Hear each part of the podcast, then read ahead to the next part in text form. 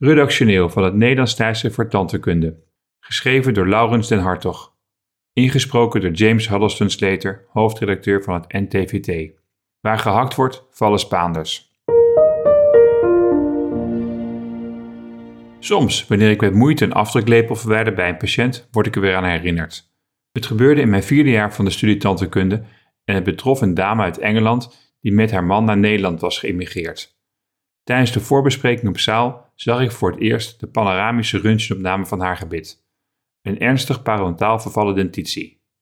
Er resteerden nog zo'n 15 gebitselementen, waarvan minstens de helft niet meer omgeven werd door bot. Het gehele onderfront was naar links gekipt, als een rij dominostenen die op het punt stonden om om te vallen. Ik greep mijn kans toen een docent vroeg wie bij deze vrouw een immediaatprothese wilde maken. Moment of shame.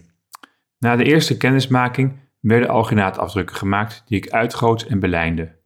Met veel zorg maakte ik individuele lepels, die reikten tot diep in de omslagplooi voor de perfecte individuele afdruk.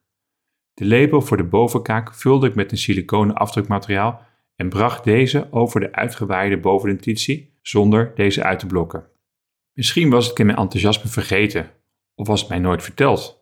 Met het verwijderen van de lepel werd een klein trauma voor de patiënt en mij geboren.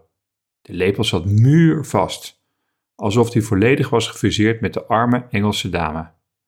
In mijn beste Engels probeerde ik haar gerust te stellen, maar de paniek bij patiënt en behandelaar begon toe te slaan.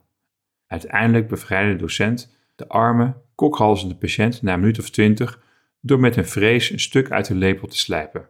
Het zweet stond op ieders voorhoofd. Blijf je in de arena? Fouten, complicaties en tegenslagen. Waar gehakt wordt, vallen Spaanders. Iedereen wordt hiermee geconfronteerd tijdens zijn loopbaan. Maar hoe ga je er vervolgens mee om? Ga je bepaalde behandelingen voortaan uit de weg, uit angst voor een minder goede afloop, en verwijs je naar een collega? Of blijf je in de arena met het risico eens te falen?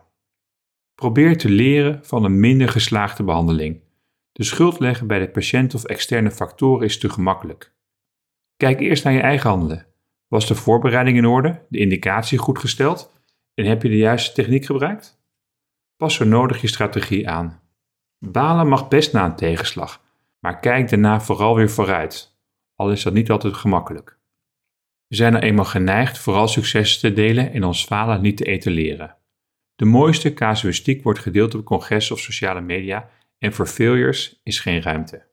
Het lijkt alsof we in de ideale tandheelkundige wereld leven en dat maakt het minder makkelijk ons falen bespreekbaar te maken. Terwijl het delen van je fouten, complicaties en tegenslagen met een collega je juist verder helpt.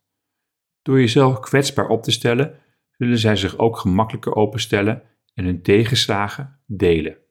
Dat helpt je te realiseren dat iedereen hiermee wordt geconfronteerd. Blijf dus vooral in de arena, maar ken ook je grenzen. Theodore Roosevelt sprak de wijze woorden: Het is niet de criticus aan de zijlijn die telt, maar de eer komt toe aan de persoon die in de arena staat, tegenslagen kent, maar toch opstaat en probeert iets te bereiken. Die toewijding en enthousiasme kent, zich volledig geeft voor de goede zaak en die, mocht het tegenzitten en hij heeft gefaald, in ieder geval moed heeft getoond. Gelukkig komt het vaak ook weer goed. Zo ook bij mijn Engelse patiënt. De horrorafdruk bleek gelukkig bruikbaar. En toen ik de prothese uiteindelijk plaatste, riep ik uit blijdschap: It really sucks! Verbaasd dat ik was over de goede retentie.